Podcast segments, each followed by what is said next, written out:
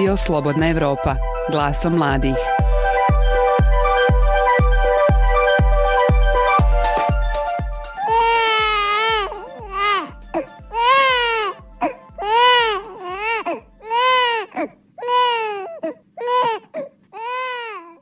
Ovaj zvuk, zvuk plača bebe u Bosni i Hercegovini, sve se slabije čuje.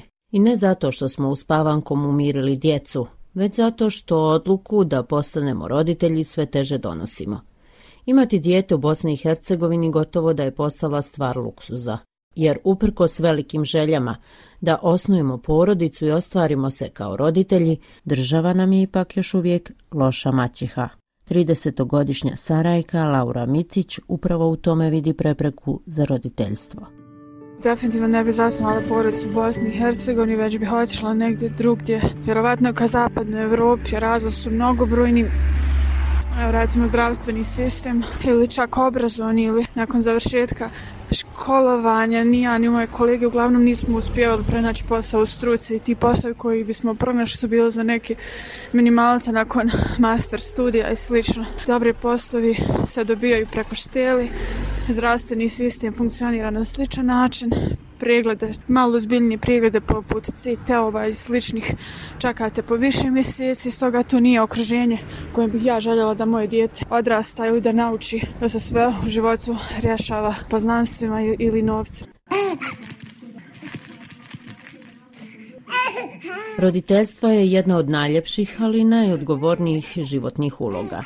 Ono donosi radost i nježnost, ali je nemoguće bez brige, odricanja, promjene prioriteta. Zato se većina sve kasnije odlučuje za to. Novinarka Naida Kundurović To je suštini neka svevrsta komocija, rekla bi danas i muškaraca i žena, e, to je nekakav trend čak, koji dijelom ne žele da se suoče sa odgovornošću. Da rode sve rijeđe posjećuju ovaj dio Evrope, svjedoče i podaci o broju umrlih i rođenih, gdje statistika ukazuje da je alarm davno upaljen. Prema procjenama statističkih institucija, BiH će u narednih 50 godina izgubiti polovinu stanovništva. Posljedice se osjećaju danas. Sociolog Zlatiborka Popov-Momčinović Znači, mi ćemo biti jedno izrazito staro društvo, znači društvo koje neće moći da osigura ni neku svoju minimalnu reprodukciju. Osnovati porodicu i priuštiti sretno djetinstvo svojoj djeci san je svakog roditelja, a o tome koliko je taj san ostvariv i moguć govorimo u novom izdanju podcasta Glasom mladih. Sa vama su Sara Velaga i Aida Đugu.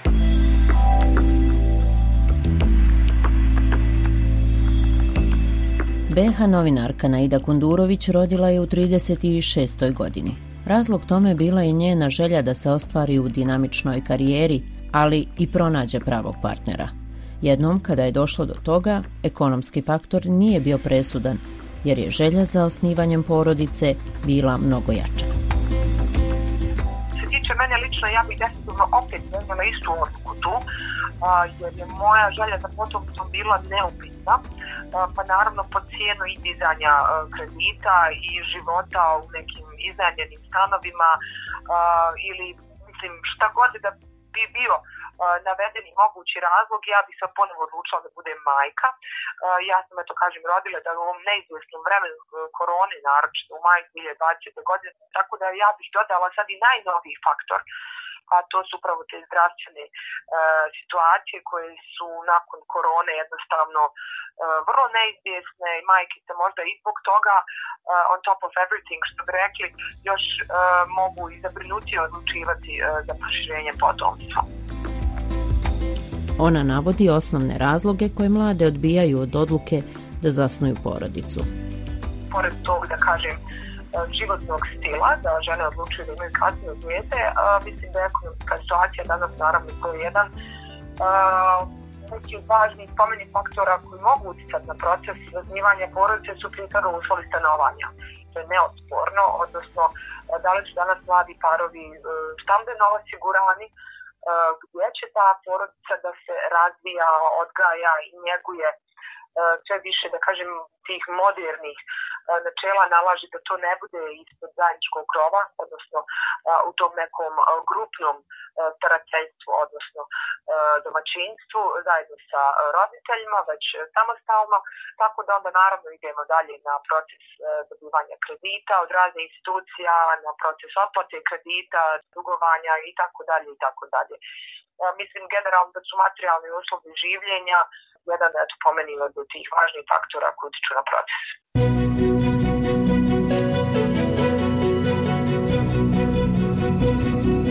Slušate podcast Glaso mladih. Prethodne epizode pronađite na slobodnaevropa.org ili na Google i Apple podcast aplikacijama.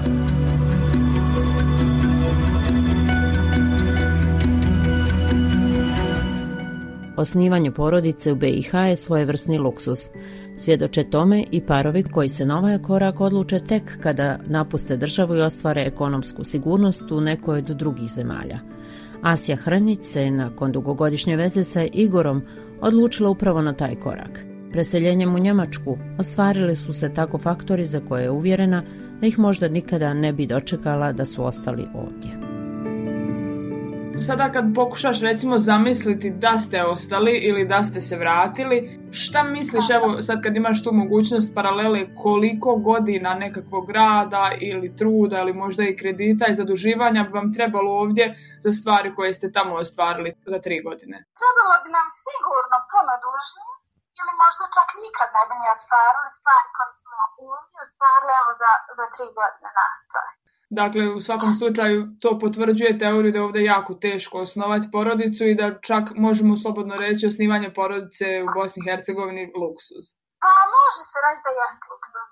Može se reći. Mislim, nije nemoguće, naravno. Stocine i stocine porodica je živi i sve, ali pošto nam se pružila prilika da odemo u Njemačku i pružila nam se prilika da možemo imati neki bolji život, mi nismo vidjeli ni jedan razlog zbog kojeg bi ostali stvari u Bosni, osim porodice. Porodica je jedini razlog zbog kojeg nam je bilo jako teško otići i odvojiti se i tu biti sami, ali drugi razlog stvarno nije niti jedan bio.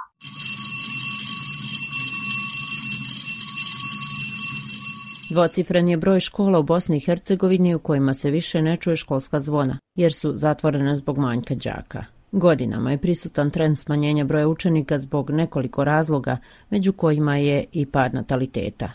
To je postao hroničan i ozbiljan problem bosansko-hercegovačkog društva. U posljednjih pet godina u Federaciji Bosne i Hercegovine, na primjer, u odnosu na ranije, manje je gotovo 13.500 osnovaca.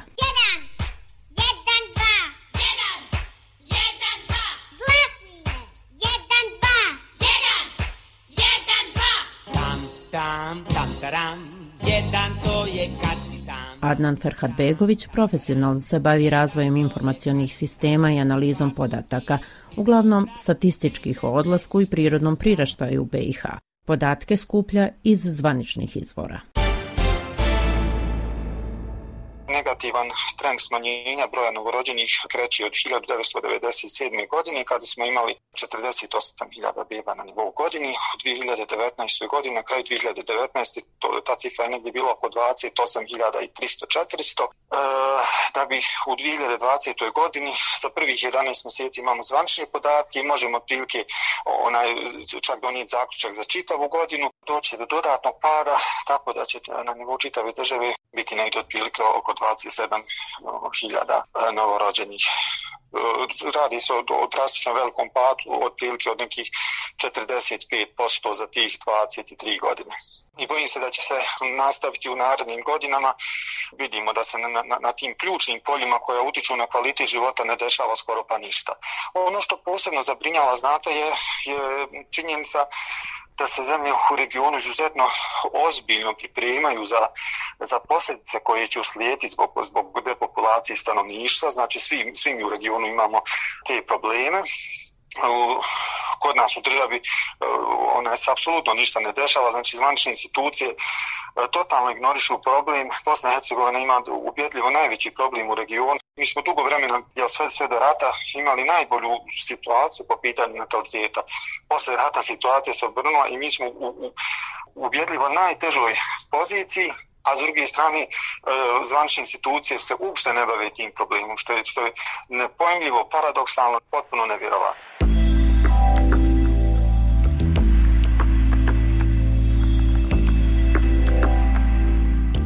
Koliko je ugrožena porodica kao osnovna ćelija društva, a koliko i samo društvo zbog ovakvih trendova. O tome govori profesorica Fakulteta političkih nauka u Istočnom Sarajevu, Zlatiborka Popov-Momčinović.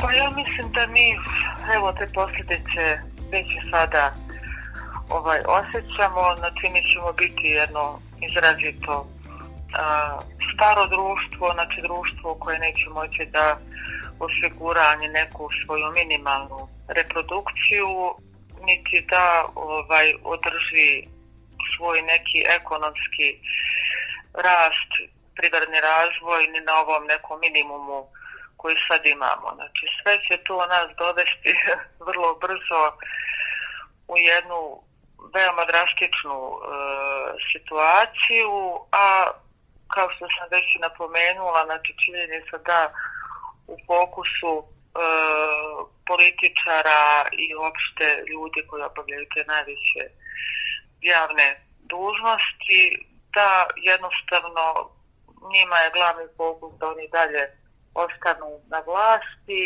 a da se uopšte ne donose neke ključne odluke za jedno društvo, za njegov izlazak iz krize.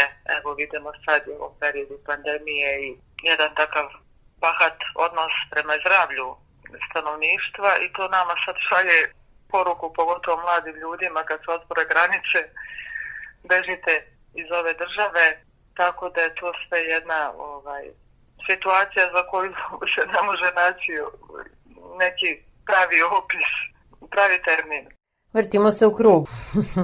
pa eto, vrtimo se u krug, kako se kaže, šta je starije kokoška ili jaje, ali nekako baš ovih 30 godina baš se vrtimo u tom jednom začaranom krugu i jednostavno, evo, kad vidimo kako živimo eh, ne samo u tom nekom ekonomskom smislu, već i u smislu stvarenja i naših elementarnih ljudskih prava, kao što je pravo na zdravlje, eto, pravo na neku slobodu mišljenja i tako dalje. Sve to šalje tako jednu ružnu poruku i onda mlad čovjek jednostavno šalje na taj način i svojim odlaskom šalje neku poruku ovim našim uh, vlastima. Jer upravo, pored ovih objektivnih faktora koje smo pomenuli i rat, jeli, pa i poslije staranje starovištva, ovi ekonomski faktori i sva demografska kretanja, nekako mi je baš ovde odgovornost na, na političkom vrhu baš najveće jer su upravo pokazali na ovom primjeru nemar i nebrigu.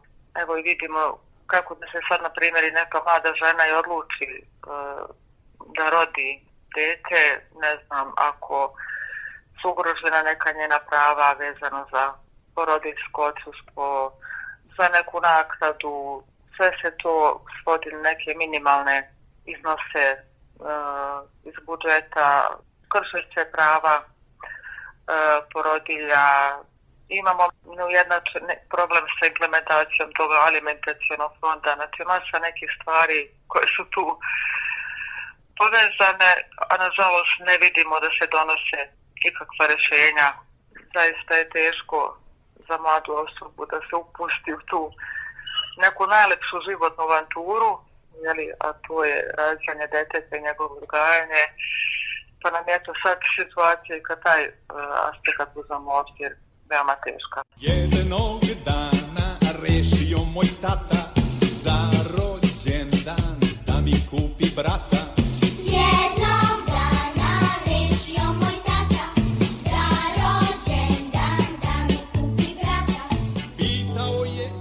stabilan posao, stan, pronalazak partnera, uslovi su koji se danas postavljaju kao bazni kako bi se zasnovala porodica.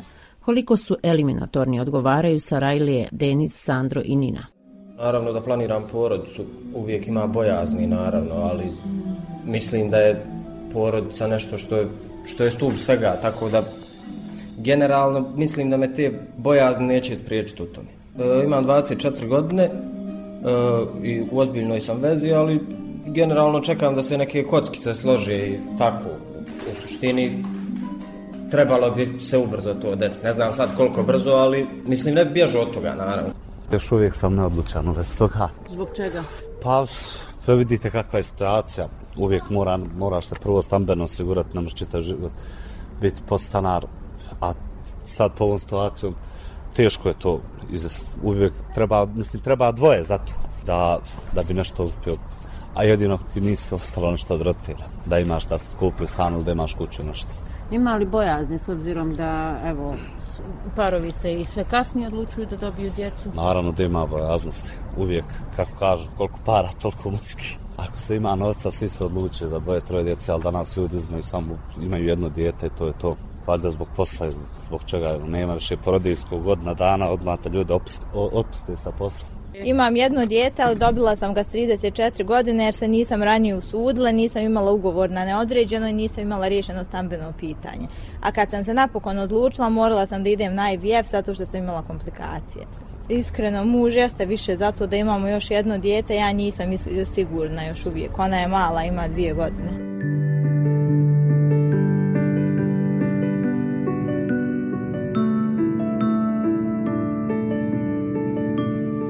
Psihologinja Nermina Vehabović-Rudeš primjećuje da su se vrijednosti koje su ranije bile prisutne u BH društvu promijenile, ali nije samo to uzrok što se mladi sve teže odlučuju da zasnuju porodicu ono što o, negdje mi znamo ili predpostavljamo, strah od o, ekonomske nestabilnosti vrlo veliki.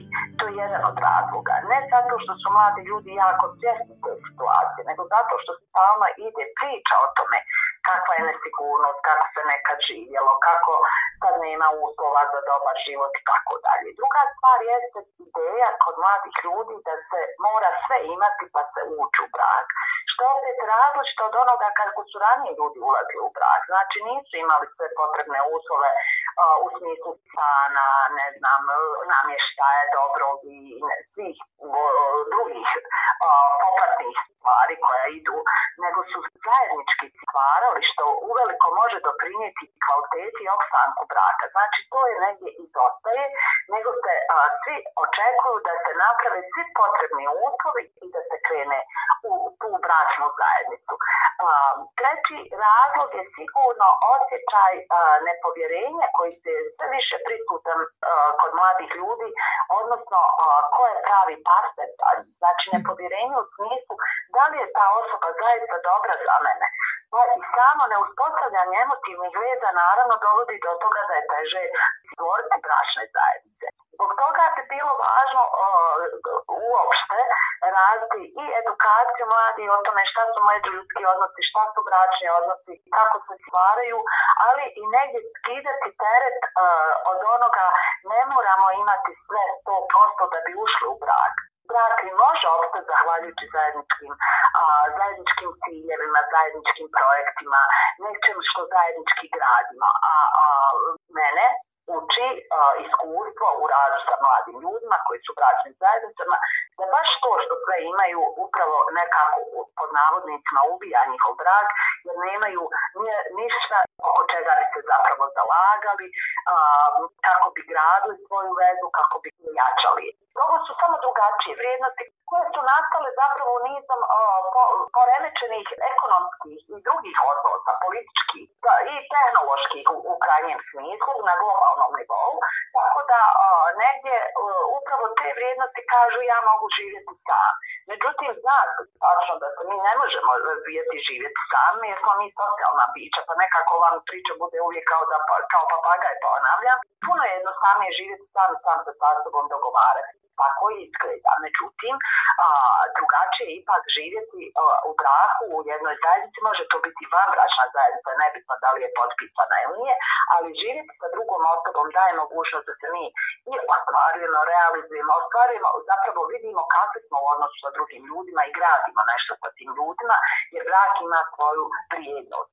A, čula sam zapravo u, u razgovoru sa nekim ljudima koji žive u skandinavskim zemljama, evo konkretno Norveškoj, da je tamo jako popularno živjeti sa partnerom.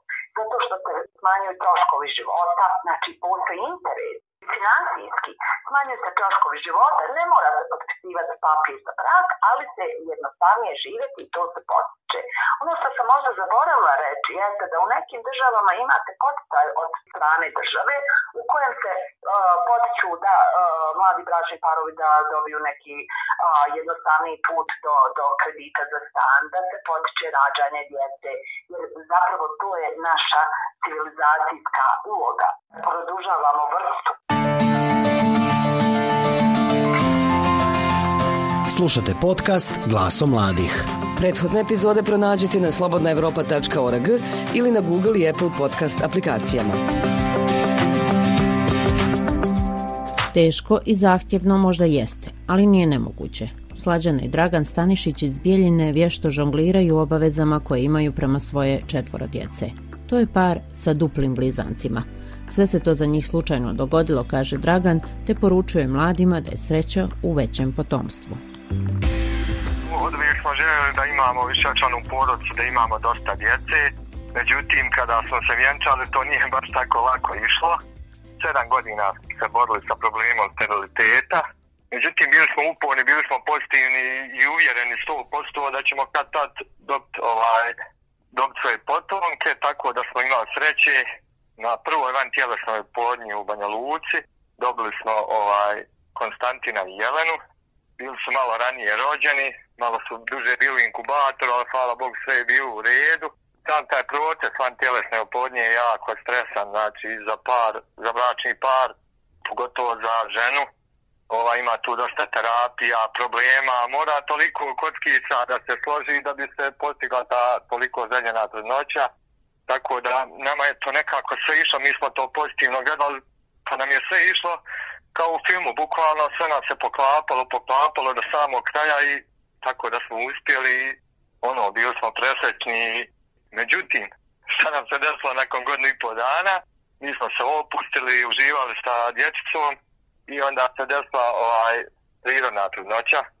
Moja supruga je ponovo zatrudnila doktor je prvo, on je vjerojatno prvo vidio da su odmah, odmah je vidio da su blizanci, međutim nije odmah rekao.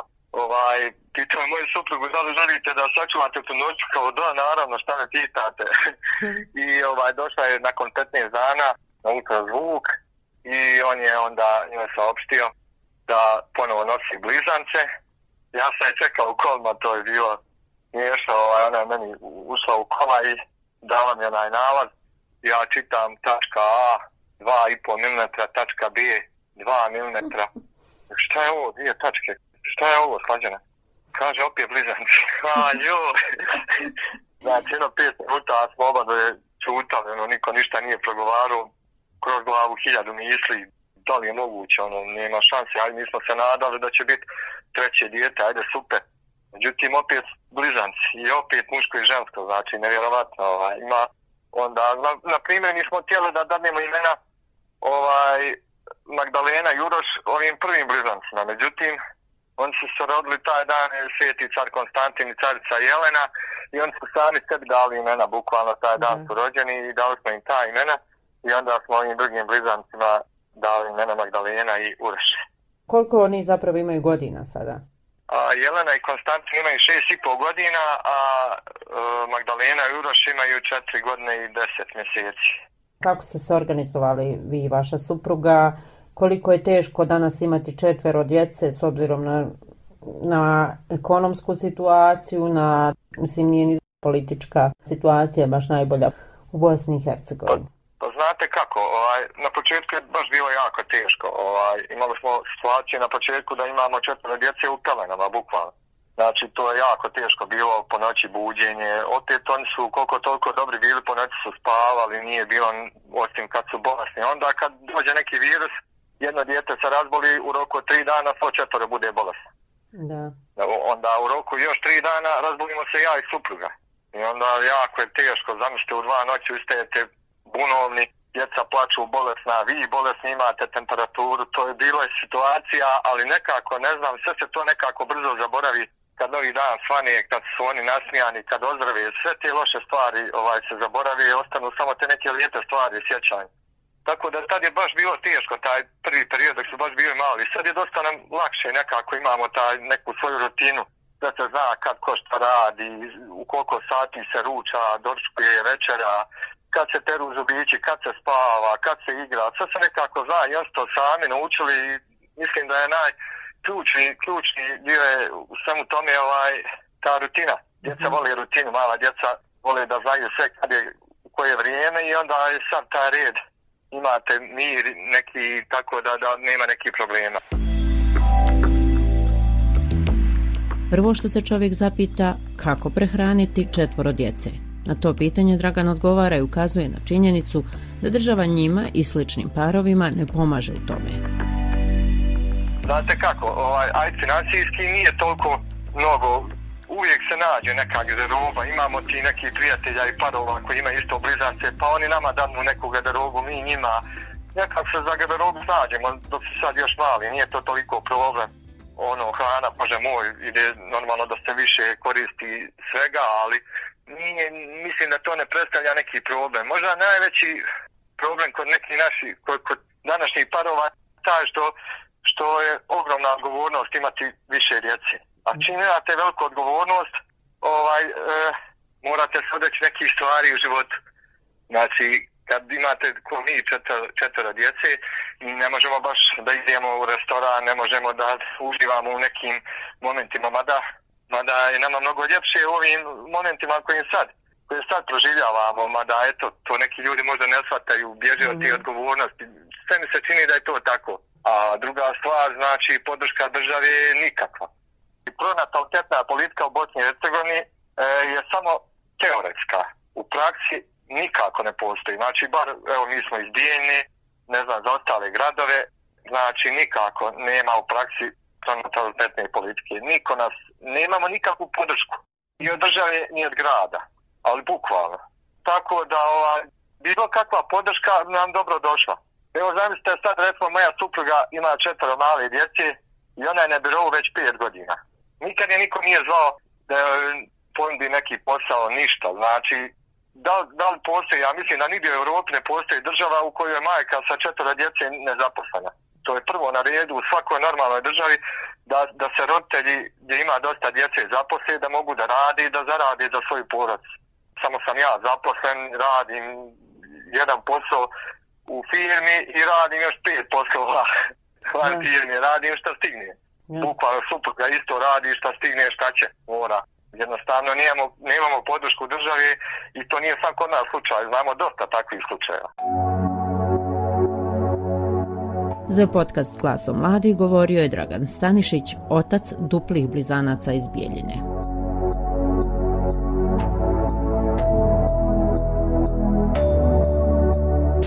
Toliko u ovom izdanju Glasom mladih. Pozdravljaju vas Svjetlana Petrović, Sara Velaga i Aida Đugum uz poziv da ostanete i dalje sa nama.